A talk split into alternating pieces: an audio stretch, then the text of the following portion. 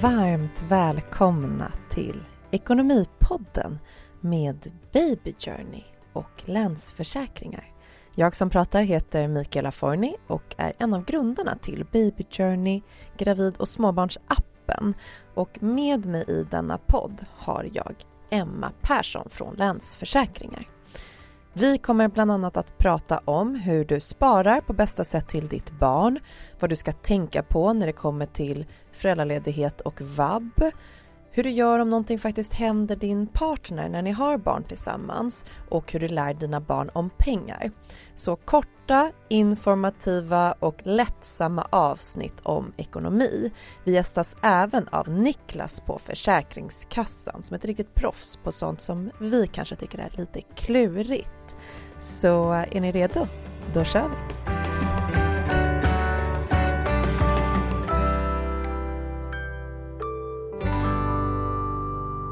I det här avsnittet ska vi prata om hur man tänker kring föräldraledighet. Ett ganska svårt och snårigt ämne, speciellt när man är gravid och är helt nybörjare och ska in i den här världen. Emma, vad tänker du om den här världen? Nej men den är ju knepig och den handlar ju både om att så här, vilja vara med sitt barn så mycket som möjligt men kanske samtidigt få ekonomin att gå ihop och känslan av att så här, alla har fattat hur man ska liksom lura Försäkringskassan så att man får så ja. många dagar som möjligt. Jag kommer ihåg att jag själv tyckte det var jättesnårigt. Ska man spara dagar eller inte? Så att, ja. Jag och förstå allting. Mm. Hur, många, hur gör man när man tar ut dem samtidigt och vad är det som gäller och hur gör man för att göra rätt? Mm. Alltså, jag tycker att jag är hyfsat ordentlig. Men jag hade ju anmält allt fel till Försäkringskassan. Mm. Men då var de så pass snälla att de faktiskt ringde mig och sa att här har det blivit tokigt gumman. Ja, så snällt. hjälpte de mig att justera ja, det. Det är ju bra att det finns något sånt, eh, någon sån säkerhet. Men eh, hur ska man tänka kring föräldraledighet då? Jag tycker att om man bara tittar utifrån statistiken över uttaget så är det ganska tydligt att det är en kategori föräldrar som tar ut majoriteten och det är ju kvinnor. Mm. Och då vet inte jag riktigt eh, varför det är så. Jag har ju mina misstankar om att det handlar om att eh, man kanske tjänar mindre än sin man eller man känner eh, normer och förväntningar om att man som mamma ska vilja vara hemma jättelänge. Eh, och sen kanske man också förstås vill. Så det, är liksom, det samspelar för att leda det till, eh, till ett större uttag för mamman. Men jag tycker man ska tänka efter lite här om det är så att man verkligen gör det av egen fri vilja eller om man kanske vill sikta på att dela upp det och att man liksom tar en diskussion med sin partner om det. Jätteviktigt. Och vi pratar ju faktiskt om det här i Babytalk-podden som vi har på Baby Journey. Där vi har, har ett helt avsnitt i säsong två som handlar just om jämställdhet i föräldraskapet. Så det kan jag varmt rekommendera alla att lyssna på för där är du med och säger så mycket bra saker. Och det här är ju en kort podd men den är ju 45 minuter lång med massa spännande, rolig och intressant information och statistik. Så in där och lyssna. Hur eh, gör man då om man vill ansöka om föräldralön? Ja men det är ju så här att när man är föräldraledig så får man ju då en ersättning från Försäkringskassan. Yes. Det känner ju de flesta till och den går man in och ansöker om på Försäkringskassans eh, hemsida. Eh, efter en dialog med arbetsgivaren. Men sen finns det vissa arbetsgivare som också ersätter lite utöver det här taket. Om det är så att man har en, en lön som, som överstiger taket för föräldraersättningen, ja men då kan man också få lite av sin arbetsgivare. Så det tycker jag att man ska kolla om man jobbar på en arbetsplats där det finns kollektivavtal. Är det så att min arbetsgivare fyller upp, ja men hör av dig då och säg att du vill ha det. För det är ingenting som kommer betalas ut med automatik. Och det kan också göra att den här liksom, ekonomiska kalkylen över vem som egentligen ska vara hemma av ekonomiska skäl, att den kastas omkull lite. Mm. För att ponera att det är en av föräldrarna som har ett bra jobb och tjänar ganska mycket pengar, så kanske man tänker instinktivt så här, nej men då ska ju den personen jobba så mycket som möjligt. Men om man har då föräldralön som fyller upp till 90% av den här lönen, ja men då är det helt plötsligt bättre att den personen är hemma. Så att kolla mm. på det och eh, det går att googla sig till en del snurror på det här också så jag tycker man ska kolla lite närmare på det.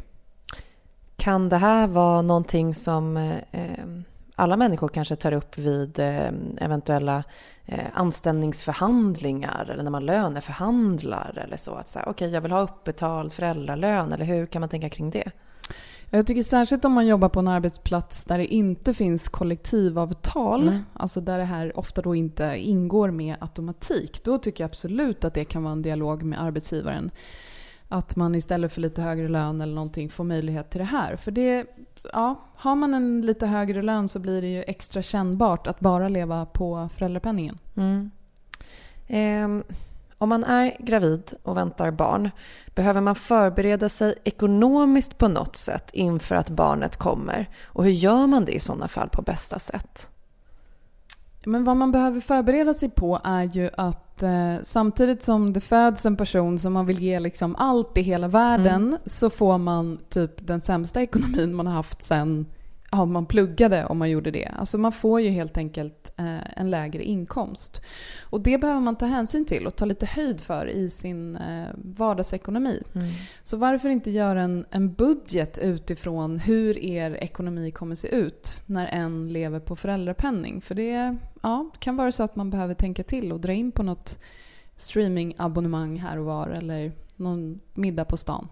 Men det där är ju jättesmart. Man kan ju faktiskt så här, laga en mysig middag, sätta sig med penna och papper och säga okej, okay, nu tittar vi. Hur kan, kommer våra inkomster se ut när den ena har föräldrapeng? Och eh, vad har vi för budgetar? Vad har vi för fasta utgifter? Vad har vi för rörliga idag? Kommer eventuellt det förändras? Du kanske till exempel inte går ut och äter så mycket middagar när du har fått barn, för det är lite svårare.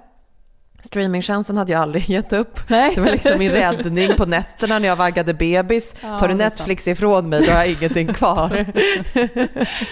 Eh, men då kan man också kanske sitta och räkna på det tillsammans så att man inte hamnar i en situation där om man vill gå promenader och kanske eh, fika på stan under sin föräldraledighet för att eh, man vill ha någonting att göra och så räcker inte ekonomin till.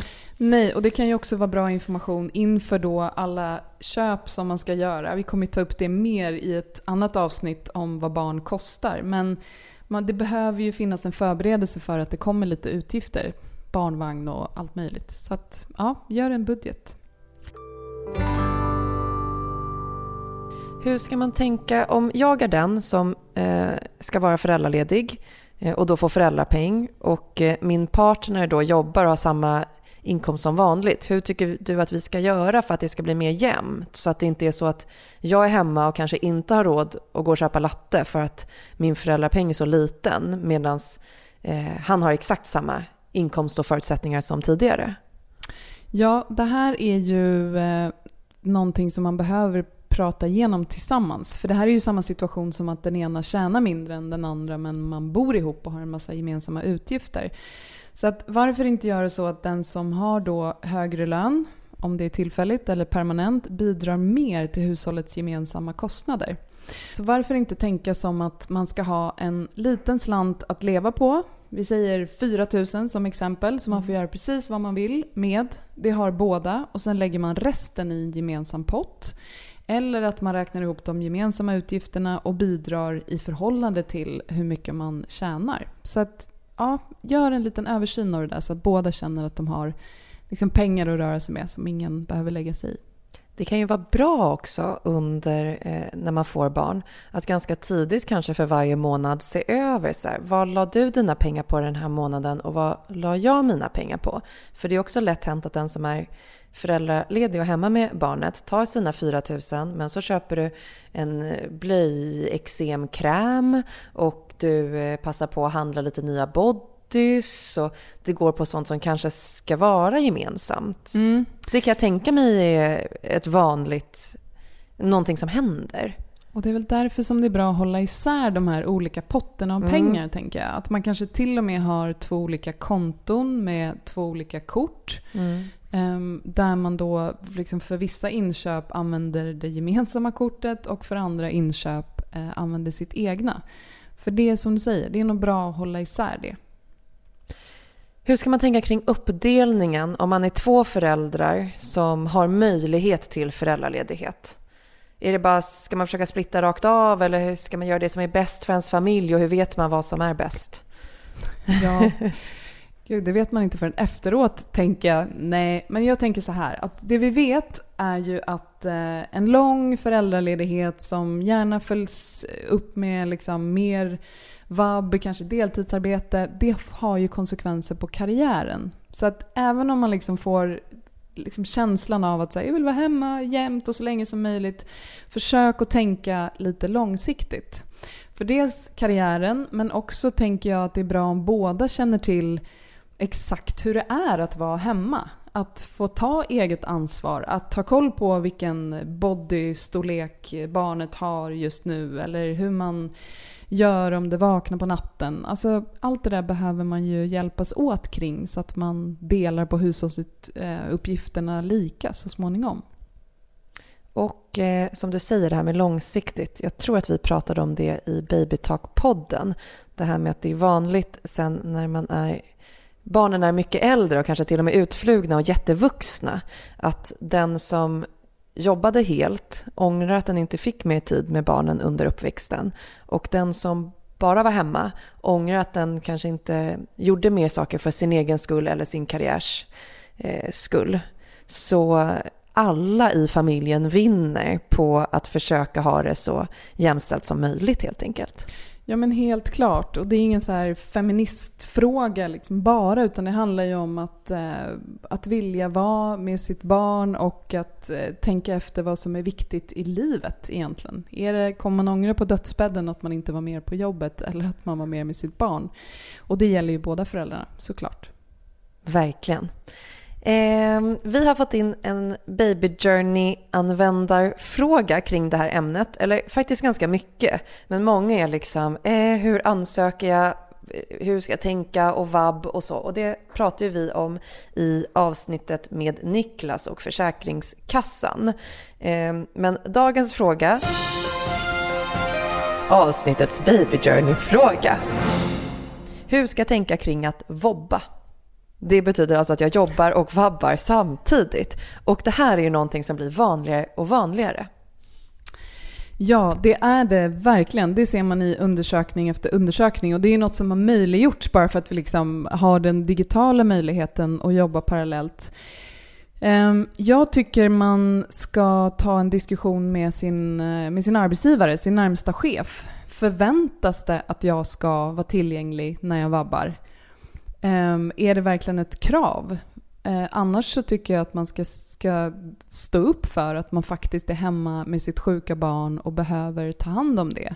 Och är det så att man förväntas jobba, ja men då ska man ju få lön och inte betala för det själv via Försäkringskassan. Så att, um, ja, prata med chefen tycker jag.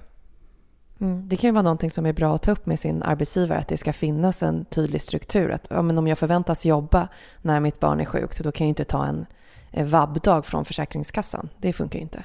Nej, exakt. Bra! För att sammanfatta. Eh, gör en budget utifrån den här ekonomin som ni kommer att ha när den ena går på föräldrapenning. Jätteviktigt. Eh, prata om uppdelningen så att det blir rättvist, bra för båda och ingenting som någon av er kommer ångra framöver. Gör separata pottar för kanske fritid, eh, gemensamma kostnader etc. Och eh, prata med din chef om att vobba. Precis så. Vad grym du är på att summera. Yes, jag fick med allt. Och då betyder det att du som har lyssnat också har fått med dig eh, allt och är expert på detta ämne. Tack snälla för idag, Emma. Tusen tack.